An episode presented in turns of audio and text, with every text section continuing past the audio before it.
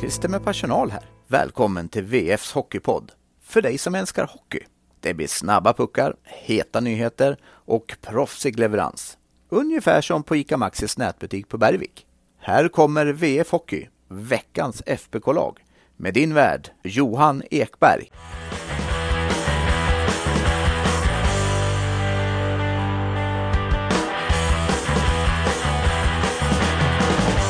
Förluster som staplades på hög och insläppta mål i drivor. Sen plötsligt två raka trepoängare och bara två insläppta mål på hela veckan. Välkomna till VF Hockey, veckans FBK-lag. Och välkommen igen till Karl Oskar Lysander. Tack så mycket. Jag sa i första avsnittet att jag skulle göra den här eh, veckans lagpodden med dig och med Jonas Griberg. Eh, och jag vet ju att det är många som efter Gribergs Twitter-succé där med den gamla, visst, visst var det härlig flashback, haha, flashlightback med ficklampan med magnet på. Ja, en sån har man ju haft ett par, eh, ett par stycken. Och det så Eller var det kanske, många som ja. kände. Ja, men man har nog inte haft mer än ett par stycken för de eh, håller ju för evigt, mm. eh, de där. Och försvinner ju aldrig i och med att de har magneten så de kan sitta någonstans liksom på något, något smidigt ställe. Men, och jag förstår att många har tänkt då att han efter den, efter den tweeten blev viral, att han har blivit för stor för podden. Och svaret är givetvis ja. Eh, men vi hoppas att han kommer ner på jorden lagom till nästa vecka när han börjar sin heltidstjänst hos oss på VFs sportredaktion. Hur kul tycker vi det ska bli att vi blir tre på heltid? Otroligt, men eh, framförallt så kommer väl det här att bli kul för eh, läsarna och lyssnarna. Mm, absolut. Så Griberg kommer att komma med i podden framöver, men eh, han får komma ner på jorden och eh, komma in ordentligt i lokalerna först. Men vi ska gå igenom senaste veckan precis som vanligt. Eh, och jag var inne på det, två raka trepoängare. Vi hade 3-1 mot Örebro och vi hade 4-1 på lördagen mot Timrå. Va, hur ser du på veckan, Lyset? Det var väl lite det här som vi efterlyste förra veckan, att, att de behövde ett par segrar där de inte släpper in särskilt många mål. De, de övertygade väl inte heller. Eh, men som sagt, det är tätt bakåt och eh, två segrar. Mm, jag tror du, du sa lite där de behövde. Jag tror det var ganska precis det vi sa till och med. Ja. Eh, ja, nej men alltså, jag var inne på det i krönikan när jag skrev efter Örebro-segern där att sättet som de vann den matchen på var så vansinnigt viktigt. För säg att de hade vunnit med 6-4, då hade fortfarande alla, ja visst, det hade funnits glädje bland supportrar för att de, att de vann, men det hade fortfarande alla frågetecken eh, kring, kring försvarsspelet och, hur, och hela den faktorn hade ju likväl funnits kvar. Men nu blev det där som en liten, eh, ja men inte, inte, ja, men ett litet statement på något sätt. Och framförallt som jag är inne på, eh, tredje perioden där som jag var ruskigt imponerad av vad de gjorde för att de gick in till en tredje period där matchen stod och vägde. Det stod 1-1. Och i ett läge där det ja men det svajar ju lite. Det gjorde ju det, eh, så sett. Eh, framförallt om det hade blivit någon, eh, någon förlust till. Eh, och går in och fullkomligt städar av Örebro i den tredje perioden. För jag menar, det tog, jag tror det tog 12 minuter innan Örebro hade ett skott på mål i den perioden. Så att även efter Daniel Wikstens 2-1 mål så fortsatte de ju att trumma på. Och Sen, det blev ju lite, de fick ju ett powerplay och så, så de var ju inte så långt ifrån en kvittering, men likväl, det var, det var ett PP efter en otroligt slarvig liten insats av Adam Ginning som gav dem chansen Örebro, annars så hade de ju ingenting i tredje. Nej. Och det svänger ganska fort i hockey får väl vi lov att säga här. När vi satt här för, förra veckan så var ju läget helt annorlunda och jag har väl haft en känsla av att det här är något som kanske irriterat spelarna lite grann att eh, den här kritiken har, har, kommit för de har nog känt sig ganska trygga. Mm, mm, precis. Eh, sen Timrå-matchen eh, tycker jag också på många sätt var en eh, ganska relativt stabil insats. Eh, där de visst, det kunde ha eh, funnits mer än en växel i att använda i första perioden, men när de sen kom ut i andra så var det ganska tydligt att det var lite klasskillnad mellan lagen där. Ja, vi får väl vänta kanske tills de stöter på ehm, ja, Frölunda här eller Luleå till exempel som, som väntar i veckan. Det är väl ett tuffare test eh, just nu i alla fall. Ja, exakt, exakt. Eh, vi ska gå på vilka sex spelare som i de här två matcherna har varit de bästa och viktigaste för Färjestad och vi börjar som vanligt längst bak i mål och ja, kan ni gissa vem det blir? Jo då, Dominik Furch, den enda som har stått i mål den här veckan. Men han, eh, återigen, han, eh, det här är en sån där vecka där vi inte väljer honom för att eh, han är det enda alternativet, utan han är faktiskt verkligen på riktigt värd den här platsen. För jag skulle säga att exakt det han stått för i veckan är precis det Färjestad behöver från sin målvakt i det läge man är med lite frågetecken kring eh, försvarsspelet. Eh, för man behöver en målvakt eller de behöver en målvakt som ger dem stabilitet, som ger dem tro. Eh, förra veckan, vi skrev ju en del och pratade med ganska många om försvarsspelet och eh, Thomas Rundqvist i podden pratar ju så mycket om det, att man måste lita på varandra. Lita att den som går ut i hörnet klarar det, att man inte behöver följa med och riskerar att bli överspelad. Och det handlar ju även så mycket för backarna och forwards bakåt, att lita på att ja, men jag tar bort passningen här, han tar den, det skottet och så vidare. Uh, för Fors var det i torsdags en väldigt speciell match. Niklas Eriksson pratade, Örebro-tränaren alltså pratade efter matchen om hur han och Jonas Arntzen där, de blev i princip bästa vänner under året i Örebro.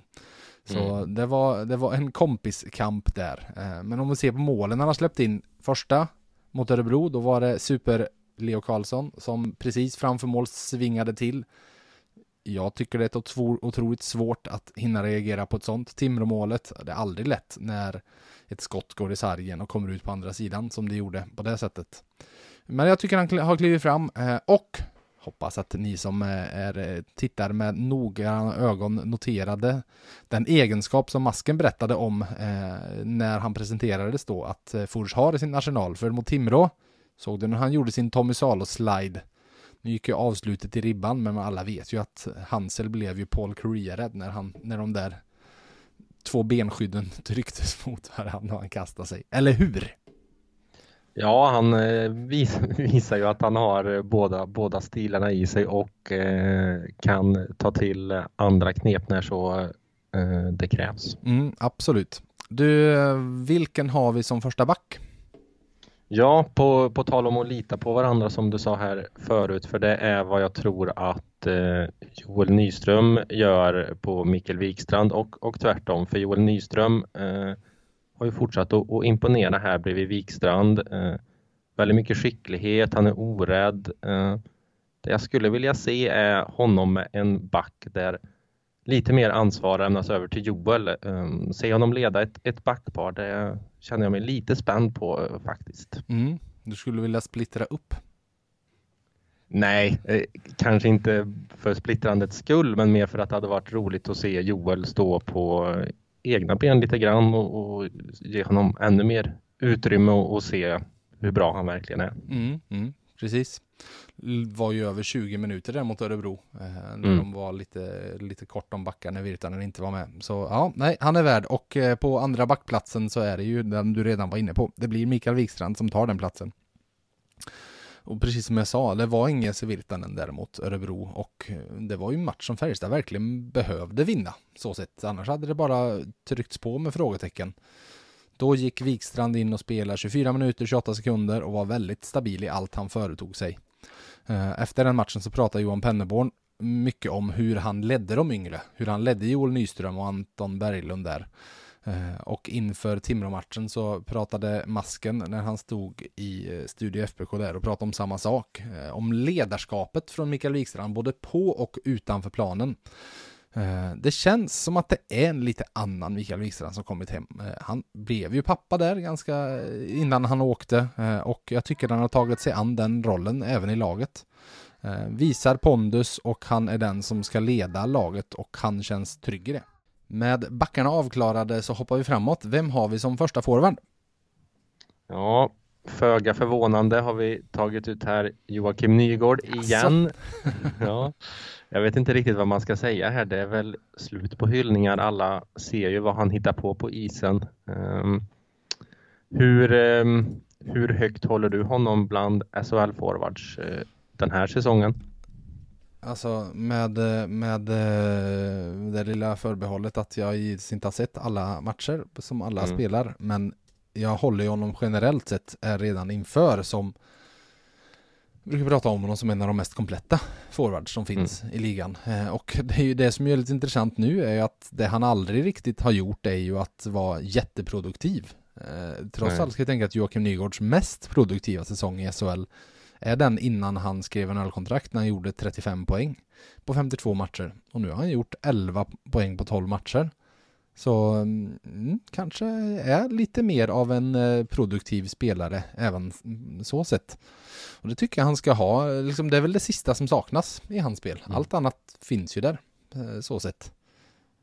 Det som är roligt att se också är ju att eh, jag tycker att han är bättre än, än när han lämnade om man ser om man, om man räknar bort fjolåret då utan eh, mm. tar säsongen innan det att, att eh, trots att han har haft en, en annan roll eh, spelat ganska lite så tycker jag att han är eh, bättre och som du sa det här med att vara mer eh, komplett. Ehm, det tror jag att han har, har lärt sig eh, mycket, mm. mycket på sistone. Mm. Ja men absolut. Um, ska vi hoppa på en annan forward? Mm. Medans du kommer ju ha en till och vi kan väl eh, villigt erkänna att nästa, även som du kommer prata om, eh, var ganska given. Men jag skulle nog säga att Linus Johansson, som är den jag ska prata om, eh, var nog siste forward in i veckans lag. Och då i konkurrens framförallt med Jakob Delaros som också haft en bra vecka bakom mm. sig.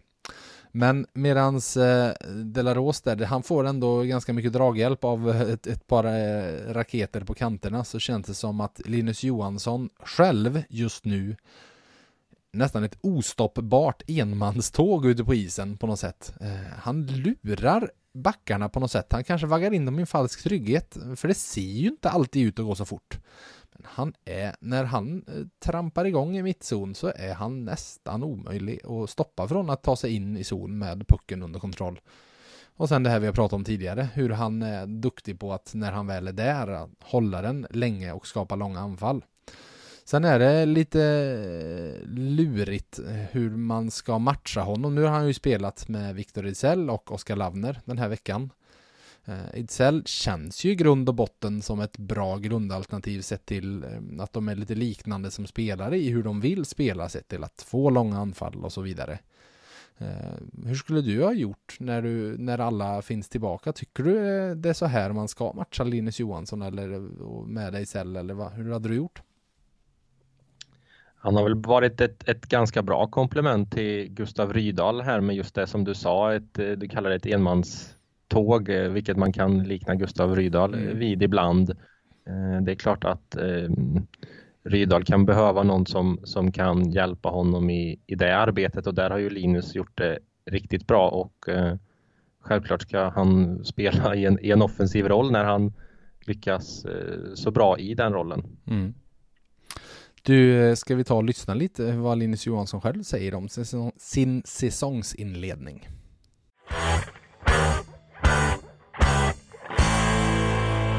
Två segrar gångna veckan och dessutom bara två insläppta mål på de matcherna. Hur viktigt var det för er? Eh, skönt framför allt. Mm. När man har snackat om det lite. Eh, det kom ju eh, två mål i första perren och eh, bortalaget både Örebro och eh, och eh, vad Timrå gjorde första målet så det är väl lite tråkigt för att man vill ju helst ta ledningen men, men ett mål är ju bra som sagt så hur man än vrider och vänder på det. Mm. Daniel Wiksten var inne när vi pratade efter Örebro-matchen lite på att ni hade pratat mycket om framförallt försvarsspelet i hur ni skulle få bättre press på motståndarnas backar och lite i, i vändningarna hemåt. Det, han var nöjd med hur, att det satt bättre. Håller du med honom? Ja, jag, det, i stora drag tycker jag absolut det blir mycket bättre och jag tycker att eh, det, det är främst att vara aktiv det handlar om. Eh, jag menar, vinner vi pucken i egen zon och, och sticker framåt, tar backen i detta läget och tar de tre, fyra snabba skär upp istället så, så tappar man pucken. Sen har man liksom krympt ytan redan där. Men mm. är man nöjd efter sitt eget arbete så, så blir det ju, eh, ja men då ligger man ju på efterkälken helt enkelt. Så att man måste vara så aktiv som möjligt när man inte har pucken och när man vinner pucken så, så då blir det lite enklare. Är det där mycket av eh, nyckeln för er ligger i att hitta mer rätt? Ja, jag tror det. Jag har en bestämd uppfattning i alla fall att eh, om man är aktiv hela tiden, vinner jag en puck och spelar vidare, slutar jag åka och spela då, ja men då då blir det inte så enkelt för då måste man ju göra, måste man ju vinna sin eh, driva av backen eller vad som helst i, i, i mittzon. Så att man, om jag slår ett pass och tar tre, fyra snabba och tar ny yta och, och byter, byter plats med Ejdsell eller Lavne eller vem det nu är att spelar med så, så är det klart att de får svårare att räkna in. Så att eh, det, aktiviteten är absolut nyckelord. Mm. Du, eh, vi tog ut ett veckans FBK-lag och du fick en plats och i motiveringen som lyssnarna precis har hört så kallar jag dig ett ostoppbart enmanslokomotiv. Är det en känsla du delar med hur det är att spela ishockey som Linus Johansson just nu? Det var ju, det var ju snällt skrivet. Jag, eh, nej men jag känner, mig, jag känner mig stark. Jag känner att jag har mycket att ge och jag känner att kroppen svarar bra när jag gör saker och mm. klart att den känslan, den känslan är ju väldigt behaglig att ha. Och, även om det går i stå någon match och det går lite sämre sådär så, så Nej, men jag känner, mig, jag känner att det, det är en bra nivå i kroppen faktiskt och, och, ett gott självförtroende och då försöker man bara smörja det varje dag som går faktiskt. Mm. Så den här gamla stämpeln, en segerstartad Linus Johansson, den eh, tvättar vi bort för gott nu eller? Ja, jag tycker det. Nu, nu, nu tycker jag vi kan ta bort det faktiskt. Du, 10 poäng på 12 matcher, det är också lite mer än vad gamla Linus Johansson-stämpeln eh, säger i poängproduktion. Är det en tillfällighet eller är det en, eh, någonting vi ska vänja oss vid? Eh, ja, jag vet faktiskt inte. Eh, alltså, det har väl någonting att göra med, med att man får en personligt lite bättre start också, tror jag. Att man slipper och fundera så mycket eller att rubriker kommer att han har inte gjort mål på fem matcher och så, så smyger det på sig någonting kanske. Eh, är man med från start som, som, som man ska vara egentligen och, och, kan och känner sig bra i kroppen så är det klart att då, då finns det väl all, all um, anledning att man kan, kan producera lite mer också. Så att, uh, mm. ja, jag vet inte. Jag försöker inte tänka på det för mycket men jag, det, det, är klart att jag tycker att jag, jag tar lite mer initiativ än vad jag gjort innan i, i, Färjestad och i SHL så att jag ska försöka fortsätta med. Jag ber om ursäkt för frågan då med andra ord att jag påminner dig. Jaha, det, det är lugnt. hur, eh, hur känner du annars om veckan som kommer? Ni ska upp och möta Luleå på torsdag och ni har Frölunda inför ett, ja, det verkar bli i princip slutsålt Löfbergs på lördag. Luleå på torsdag så har du Frölunda hemma på lördag. Så att, ja, det är ju en tuff vecka. Mm. Eh, Luleå borta är ju som sagt en, en väldigt tuff bortamatch och eh, vi får väl sitta och tänka på den lite tänkte jag säga, men kolla lite video och lära sig av det vi har haft och gått igenom. Eh, försöka spela enkelt där uppe i början kanske och försöka hålla 0-0. Eh, 0-0 första 5-10 minuterna. Tycker mm. jag brukar vara ett bra recept. Eh, sen efter det Frölunda på hemmaplan, då är det ju bara full gas som gäller. Helt enkelt. Det har det ju alltid varit när vi möter dem oavsett om det är hemma eller borta. ja, eh, så att, eh, extremt, extremt roliga matcher måste jag säga. Mm. Du, sista frågan. Eh, du fick en plats i veckans FBK-lag. Om du skulle välja att ta ut en eller några i laget, vilka, vem hade du då tagit ut sett till matcherna mot Örebro och Timrå? Eh, nej, men jag tycker väl Furchen tycker jag absolut ska ha plats. Han, eh, menar två mål på två matcher insläppta är ju, är ju väldigt bra. Eh, och väldigt stabilt och säkert känns det som. Eh, sen tycker jag Viksten hade ju en väldigt bra vecka. Eh, Örebro två mål och, och, och senast något mål också som var väldigt snyggt. Eh, Nygård tycker jag också gjort det väldigt bra. Mm, du har snart prickat in alla vi har tagit ut. Ja, mm. eh, någon back mer där kanske. Jag tycker Nyström är väldigt bra också. Mm. Uh, så att, nej men jag, jag vet inte riktigt. Det är väl ett par stycken där jag mm. tycker har, har varit duktiga. Mm, precis. Du, eh, tack så mycket Linus. Tack.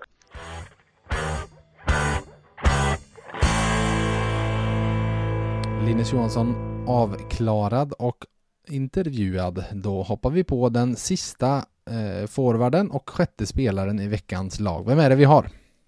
Nästa chock här, Daniel Wiksten. oh. mm.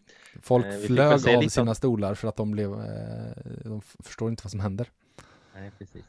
Eh, ja, vi fick väl se, vad är det, paddelhandledarna vi fick, vi fick se här, de kom väl till pass i alla fall. Han fick ju visa att eh, det där nypet är ju eh, enormt. Eh, sen tycker jag faktiskt att han har varit eh, bra hela den här säsongen egentligen, eh, även om det kanske är först nu här som han börjar märkas i, i mål och, och assist då. Ja, han hade ju ett gäng stolpskott där i början och så vidare. Mm. Men äh, jag är fortfarande, varje gång jag ser det där klippet på 2-1 målet framförallt mot Örebro. Vi kanske för sig ska säga att 1-1 målet kanske är mer eh, paddel för den drämde han ju till på volley Ja. på något konstigt sätt. Ehm, men äh, 2-1 mål, jag fattar inte hur han får den kraften i det. För jag, först tänkte jag när jag såg det bara, jaha nej men det måste ha styrts via backens klubba för då kan ju alltid bli konstiga puckbanor. Men jag menar han håller, håller, håller. Det ska, liksom, det ska ju inte finnas någon, den kraften i det läget. Men Jag tycker att han håller långt upp på klubban också med, Ja. med fattningen. Han får till världens snärt och jag menar Arntzen där, han reagerar ju inte. Alltså den gick ju, det var ju så hårt och väldigt välplacerat precis över axeln. Så svår puck så sett att rädda, men likväl, den var, nej, ett otroligt eh, läckert och mäktigt mål. Eh, och sen får vi väl säga, jag brukar ju säga det här, eh, men det ska jag ställa frågan till dig då. Hur ser ett riktigt snyggt hockeymål ut? Vad har du där? Ja, det var väl ett riktigt snyggt hockeymål som vi fick se här mot, mot eh, Örebro här, förlåt, Timrå. Timrå ja, ja. Eh, Timrå var det. Eh, ja, det, det är väl så ett riktigt snyggt hockeymål ser ut. Ja, jag var ute och svingade på Twitter om just det, att den frågan jag alltid brukar ställa i podden, där fick man lite svaret på hur jag tycker att det är. Jag går mycket igång på det där, på speluppbyggnaden till det. Eh, Och nej, vansinnigt, vansinnigt, vansinnigt vackert 3-1 mål där av eh, Mm. Nygård och Viksten som givetvis tar plats här. Ska vi hoppa på ett utropstecken? Mm, kör.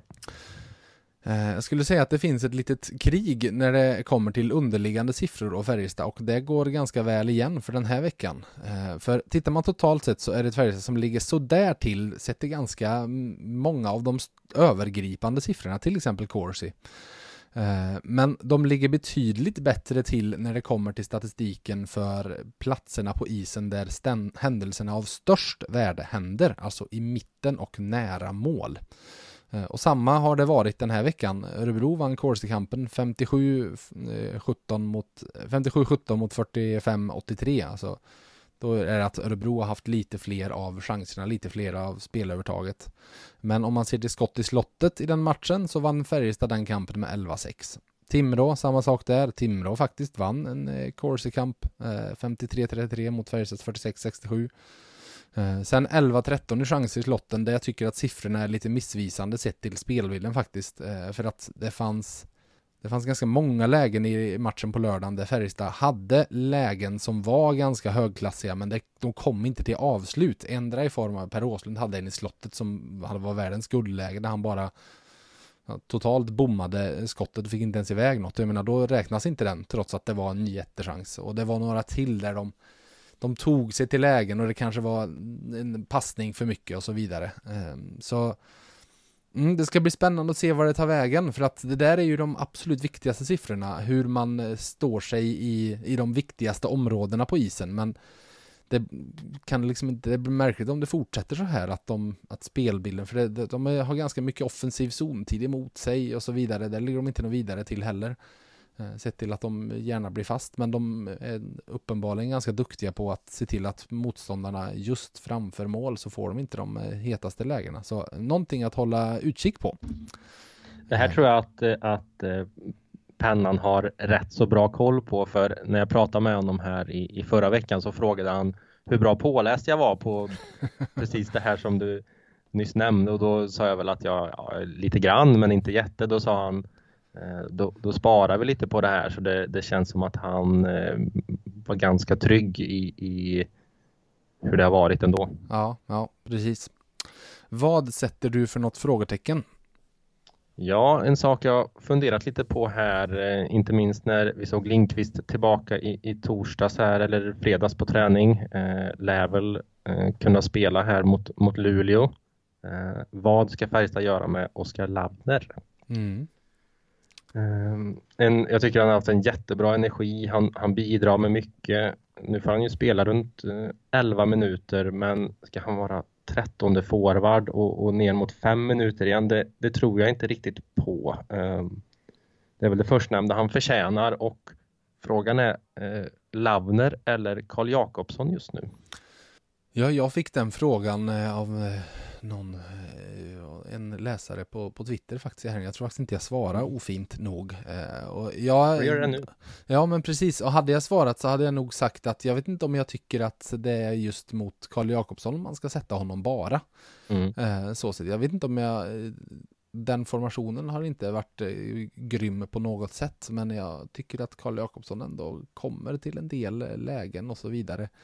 Eh, men jag, så här, det som är lite lurigt i Färjestads lag är ju hur det känns som det finns ganska mycket cementerade roller i, i vilka som är i de topp tre kedjorna och vilka som är i fjärde kedjan och så vidare. Och att om Lavner är där så konkurrerar han bara i fjärde kedjan.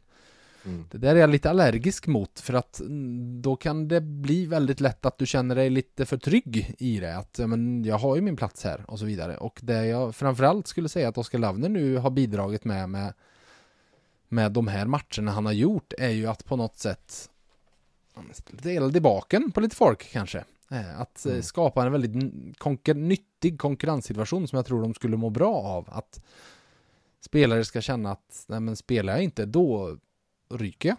Då sätter de mig i en match och så vidare.